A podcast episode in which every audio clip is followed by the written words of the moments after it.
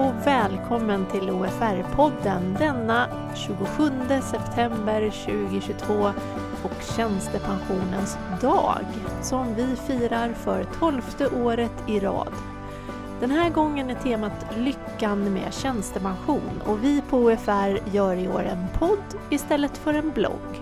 Tjänstepensionens dag är ett samarbete mellan dryga 20-talet organisationer och du blir ju såklart nyfiken på vilka det här är och på tjänstepensionens dag i sig. Så titta då in på tjänstepensionens dags egen hemsida där en massa info finns. OFRs uppdrag i fråga om tjänstepension det är att utveckla och förvalta och ständigt se över pensionsavtalen på det kommunala och statliga området. Det är vi som på medlemsförbundens uppdrag och i samverkan med dem förhandlar tjänstepensionsavtalen.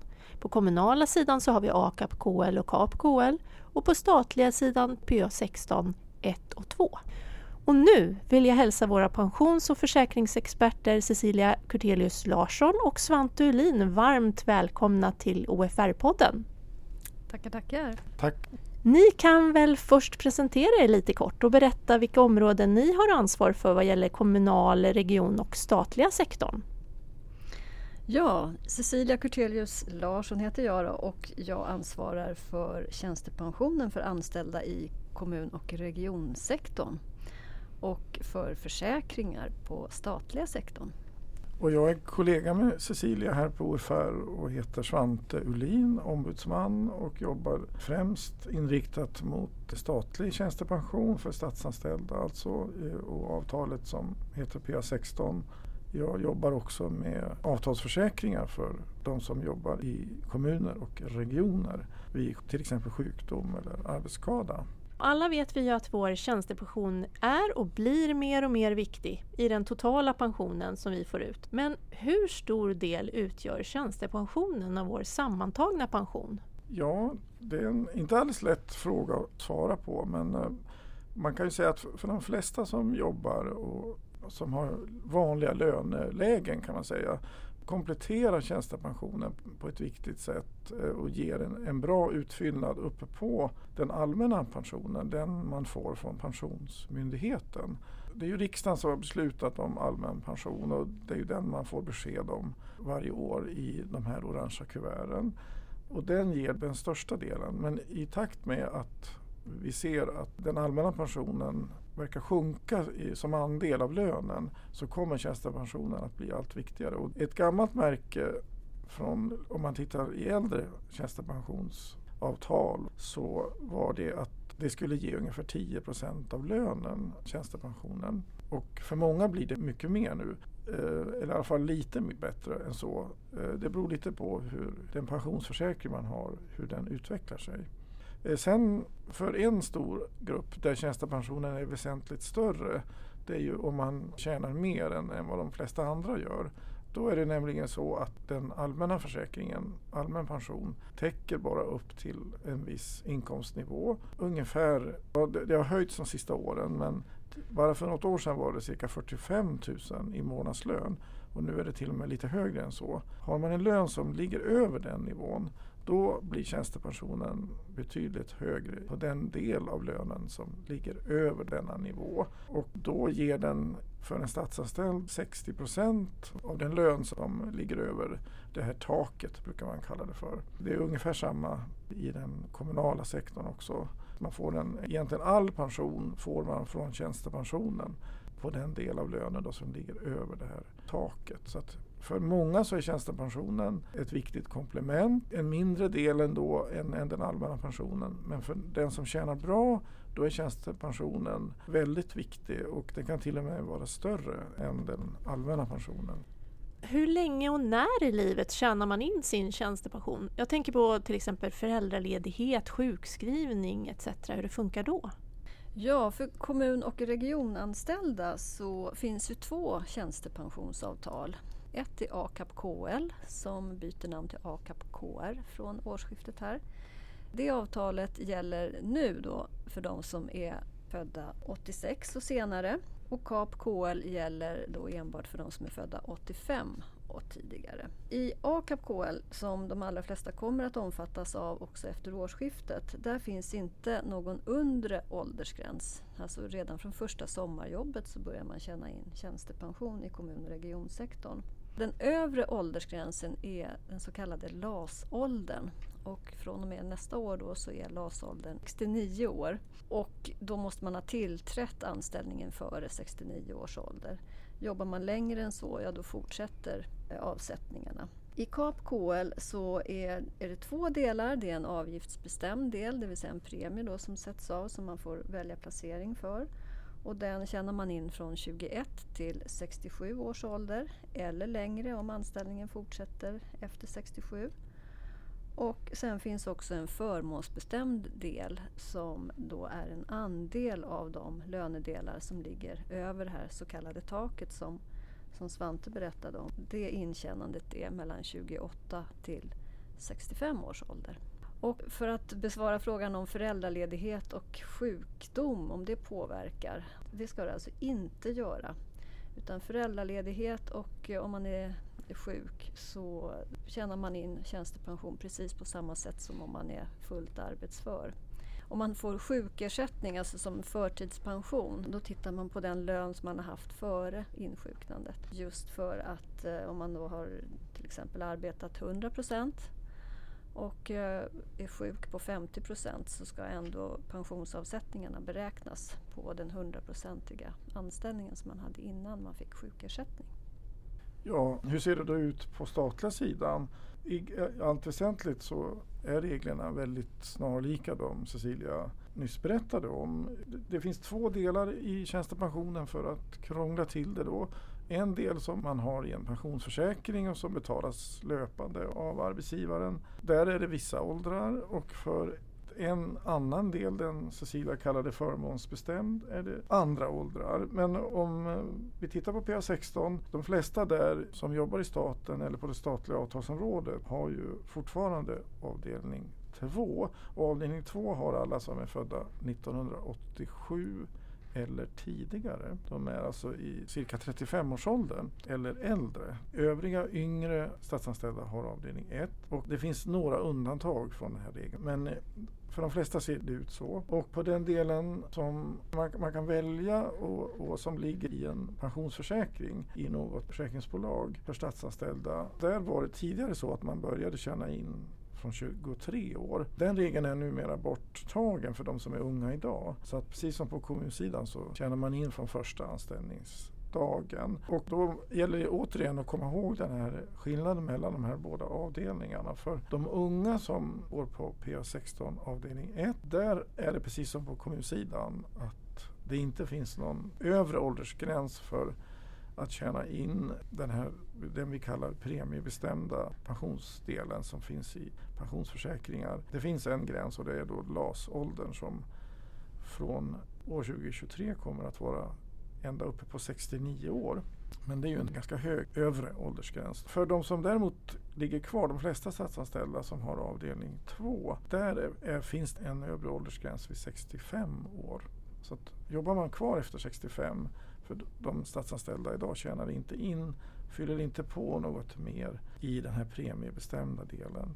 Och sen finns det då en annan pensionsdel som kallas förmånsbestämd som en rest från de äldre tjänstepensionsavtalen.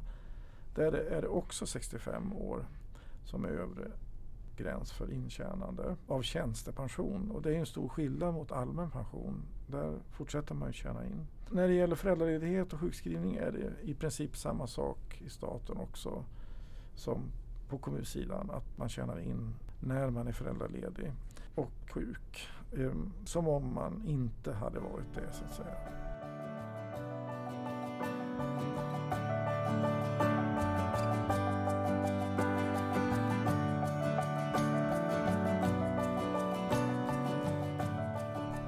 Undrar jag, när kan vi börja ta ut tjänstepensionen om vi arbetar inom stat och kommun och region och vad är viktigt då att tänka på vid uttaget? Det är också en bra fråga men även här är det inte alldeles enkelt att, svara på det.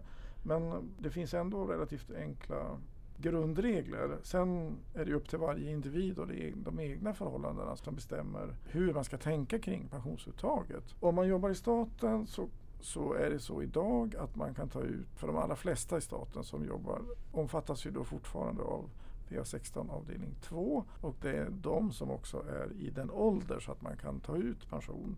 Där är det 61 år och den åldersgränsen är inte ändrad till skillnad från hur det ser ut i den allmänna pensionen där man då kommer att höja de här åldersgränserna ganska kraftigt. Alltså man kommer inte åt sina pengar förrän senare än de regler som tidigare har gällt. För de unga så kommer det då att bli, som omfattas av avdelning 1, de har ju då normalt sett lång tid kvar till pensionen men där är regeln sådan att man anpassat avdelning 1 till uttagsreglerna inom allmän pension. Så där kommer den att följa med uppåt. Men för de flesta idag i staten är det 61 år. Och det man ska tänka på är naturligtvis att man har möjlighet att välja under hur lång tid pensionspengarna ska betalas ut. Åtminstone på vissa av pensionsdelarna och det här är ganska komplext och man ska tänka sig för och pengarna ska räcka länge och så vidare. Och det är lite olika för olika pensionsdelar. Eh, bara för de statsanställda så är det lite olika möjligheter. Det finns alltså möjlighet för flera av de här pensionsdelarna man har i tjänstepensionen att ta ut dem på kortare tid än, än hela livet ut så att säga. Om man inte gör någonting när man ansöker om pensionen så blir det livslång utbetalning. Man måste själv vara aktiv och ändra till en kortare utbetalningstid. Men då ska man alltså tänka igenom det noga innan man, man bestämmer sig för det. För man vet inte hur länge man får leva och pengarna kanske ska räcka i många, många år. Och vad gäller för den kommunala sektorn, Cecilia? Ja, jag kan börja med vad som är viktigt att tänka på. Det är ju att eh, man inte kan pausa uttaget. När man väl har börjat ta ut sin tjänstepension då kan man inte göra ett uppehåll i den. Det kan man däremot göra i den allmänna pensionen men inte för tjänstepension. Och det beror inte på att vi parter inte har förhandlat fram att man ska ha möjlighet att pausa utan det styrs helt och hållet av inkomstskattelagen. Och här har vi försökt att påverka lagstiftaren och det ska vara på gång och det är utredning på gång men eh, än så länge så går det alltså inte att pausa uttag. Så man, när man väl har börjat ta ut då, då fortsätter uttaget. När man då kan börja ta ut tjänstepensionen Före årsskiftet här nu, för de som är anställda i kommun och region, så kan man börja ta ut tjänstepensionen från 55 års ålder. Och den kortaste tiden att ta ut är fem år. Men från och med årsskiftet så ändrar vi det till att den lägsta ålder för uttag blir 60 år och kortaste utbetalningstiden blir 10 år. Och det gäller för alla de avtal som finns för kommun och regionanställda i de avgiftsbestämda delarna där man alltså har kapitalet i försäkringar. Däremot för det här förmånsbestämda systemet där man alltså får en andel av lönen där ändras inte uttagsreglerna utan de är de samma. Och där är det från 61 år man kan ta ut tjänstepensionen. Men den är alltid livsvarig. Visst är det viktigt att kolla upp också då vad man får i pension och ha lite koll på sin pension? Ja, det är ju traditionellt och det är ju ganska förståeligt så är det ju de åldersgrupper som närmar sig pensionen som är mest intresserade av pensionen. Eh, unga. Men eh, även som ung så är det viktigt man ska till exempel eh, välja placering för sina pengar. Man ska också kolla att man, naturligtvis att man har tjänstepension inbetalad. Och för offentliganställda om man jobbar i stat och kommun är det inget problem tack och lov. Då, för all, våra kollektivavtal täcker upp alla som jobbar i, i båda sektorerna. Sen när man närmar sig, eh, kommer upp lite i ålder eller medelåldern och hö, uppåt så att säga, då ska man ju, tycker jag, absolut planera, titta. Eh, vad får jag i de årliga beskeden? Hur ser det ut? Så annars, annars så kommer det ju hela som en eh, total överraskning. Vad, man kanske har, tror att, att det ska bli mycket mer eh, och bli, blir, ekonomin blir helt annorlunda än vad man har tänkt sig. Eller så tror man tvärtom att det inte blir just någonting och, och utgår från det. Så att det är oerhört viktigt att man tittar på pensionen och intresserar sig för, inte bara på det man får i orangea kuvertet utan också den viktiga tjänstepensionen. Och särskilt viktigt är ju det eftersom det, många kanske har arbetat i, i båda systemen som gäller nu. Man kanske till och med har jobbat i olika sektorer av arbetsmarknaden med olika tjänstepensionslösningar. Det, det också eh, gör att det kan vara mycket att ta reda på men håll koll är mitt råd. Ja, då eh, vi eller de som har då stuckit huvudet i sanden och inte tittat i sitt orangea kuvert och sådär eh, känner ju då att var hittar man uppgifterna kring sin samlade pension lättast? Ja, en väldigt bra överblick över pensioner för man får ju pensioner från olika håll. Under ett yrkesliv så har man ju oftast haft olika arbetsgivare kanske. Och eh, man får ju pensioner från den allmänna pensionen också. Man kanske även har en privat pensionsförsäkring. Så en överblick över varifrån pensionerna kommer eftersom de kommer från olika håll, det får man på minpension.se. Därifrån kan man ju sen också gå till första källan så att säga. Där ser man ju hos vilka försäkringsgivare man har sin avgiftsbestämda pension. Man kan också se var den förmånsbestämda pensionen kan finnas hos vilka arbetsgivare. Så att man kan alltså gå till första källan och titta hos respektive försäkringsgivare och följa det. Om, om man har sparandet i fonder så kan ju värdet gå upp och ner. Och förmånsbestämd del följer ju den inkomst man har. Den beräknas ju på lite olika sätt vilken sektor man är hos. Men eh, man, man, får en god överblick på min pension och sen kan man därifrån då följa de olika bitarna, de olika delarna i tjänstepensionen. Då undrar jag, när man tittar på den här så kanske man upptäcker att nej, jag vill ju förbättra min tjänstepension. Finns det något sätt jag kan göra det på?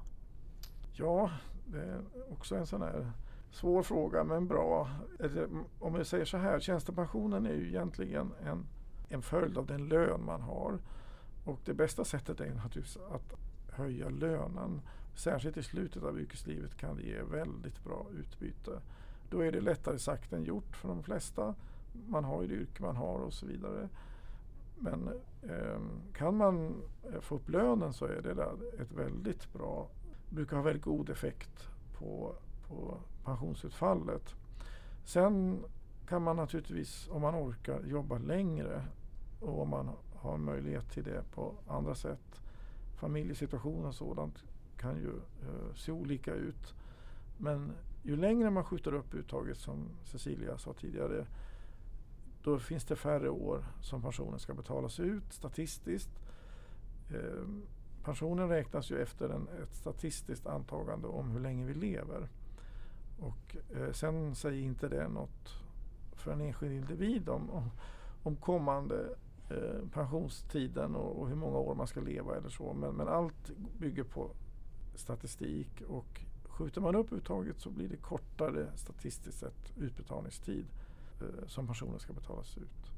Sen har vi en viktig del som blir allt vanligare och det, det brukar man kalla löneväxling.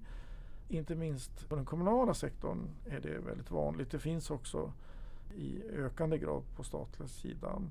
Och det är att man avstår en del av sin lön och sätter in extra till tjänstepension. Det hinner inte få så stor effekt om man bara gör det några år.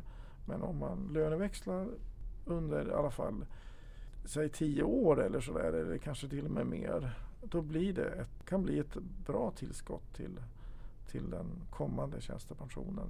Sedan ska man ju vara väldigt försiktig med, eller man ska inte löneväxla om man inte är välbetald.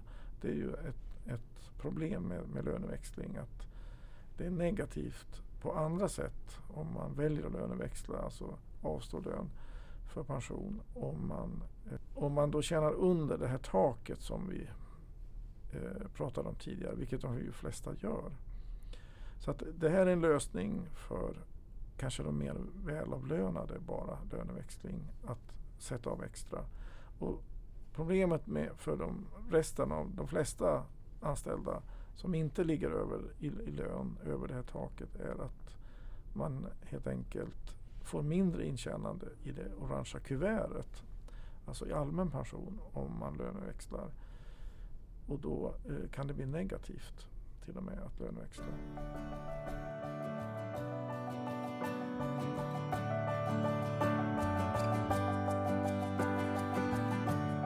Tjänstepensionens dags tema det är ju lyckan med tjänstepension. Och det handlar ju i mångt och mycket om att man kanske då inte har insett att man har tjänstepension ens. Men i våra medlemmars arbeten så får väl alla reda på ändå vid anställningen att de har en tjänstepension och vilka lösningar det är, eller? Det där är en jättebra fråga och eh, de undersökningar som görs visar ju på att det är väldigt sällan som frågan om tjänstepension kommer upp i samtalet när man eh, anställs. Det är, den sista undersökningen jag såg var väl 17 procent av, av rekryteringarna att man diskuterar tjänstepensionen där. Men, eh, så det är oklart i vad mån man får information om det.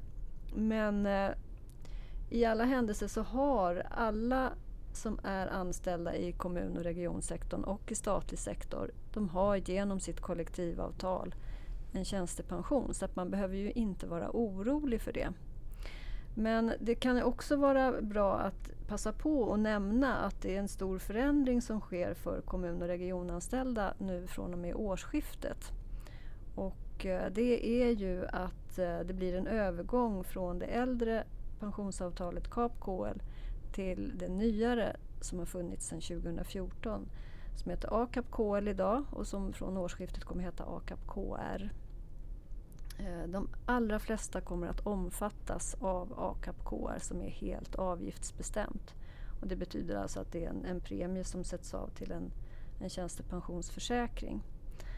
Eh, men det finns undantag och eh, vissa kommer att ligga kvar i det äldre pensionsavtalet KAP-KL. Och det är ju de då som har ett förmånsbestämt intjänande och har en lön över en viss nivå vid årsskiftet. Så eh, den informationen om vilka som kommer att ligga kvar i KAP-KL och vilka som förs över till AKAP-KR. Den informationen kommer ju att komma från arbetsgivaren.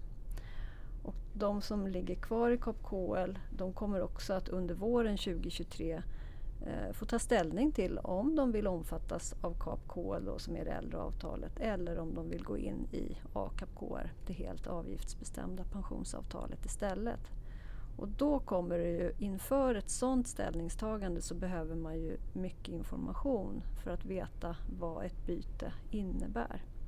Men den här typen av information kommer att komma och eh, vi har redan information på vår hemsida kring det här. Men det kommer att komma mer och framförallt så är det ju arbetsgivarna som kommer att informera om det här också.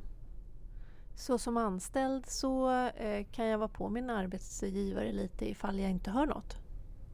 Ja, absolut. Men även de fackliga organisationerna kommer ju ha information om, om det här på sina hemsidor och så. Och de kanaler som, som de har. Och när ska valen vara gjorda? Ja, som det är sagt nu så är det den 31 maj 2023 för att man ska då kompenseras med tilläggspremier som det kallas för. Sen kan man efter det kan man komma överens med sin arbetsgivare om att byta men, men då har man ingen garanti för att få tilläggspremier.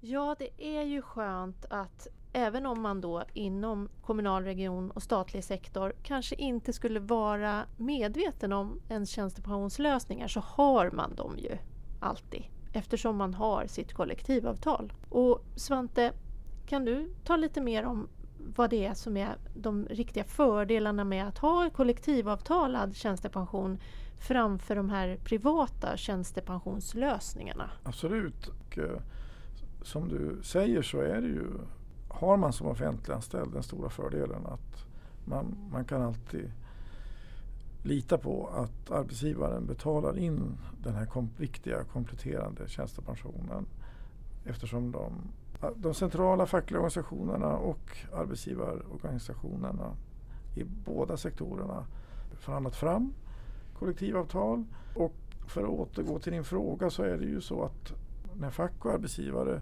gör de här avtalen så är, gäller det ju så många personer så att man får fram bra villkor och trygga villkor. Parterna, de fackliga, den fackliga sidan och arbetsgivarsidan är ju måna om att det här ska bli bra lösningar. Så att man får fram bra avgiftsnivåer, alltså avgifter som man som sparare betalar i en pensionsförsäkring. De är låga, lägre kan man säga i, i de kollektivavtalade tjänstepensionerna än vad de är i, i helt privata upplägg. Det är dessutom parterna är med och, och ställer krav på vilka som eh, får vara med och förvalta pengar eh, i de, alltså vilka försäkringsbolag. Så att genom de, de kollektivavtalade lösningarna så kan man lita på att, att det är en trygg tjänstepension och att de är så billiga eh, som de kan vara för, för spararen. Så alla i offentlig sektor med tjänstepensionen tryggt avtalad i kollektivavtalet. Ni kan alla uppleva lyckan med tjänstepension. Som nu i denna tjänstepensionens dags tema. Och därmed så tackar jag Svante Ulin och Cecilia Kurtelius Larsson, OFRs experter, för idag. Tack så mycket!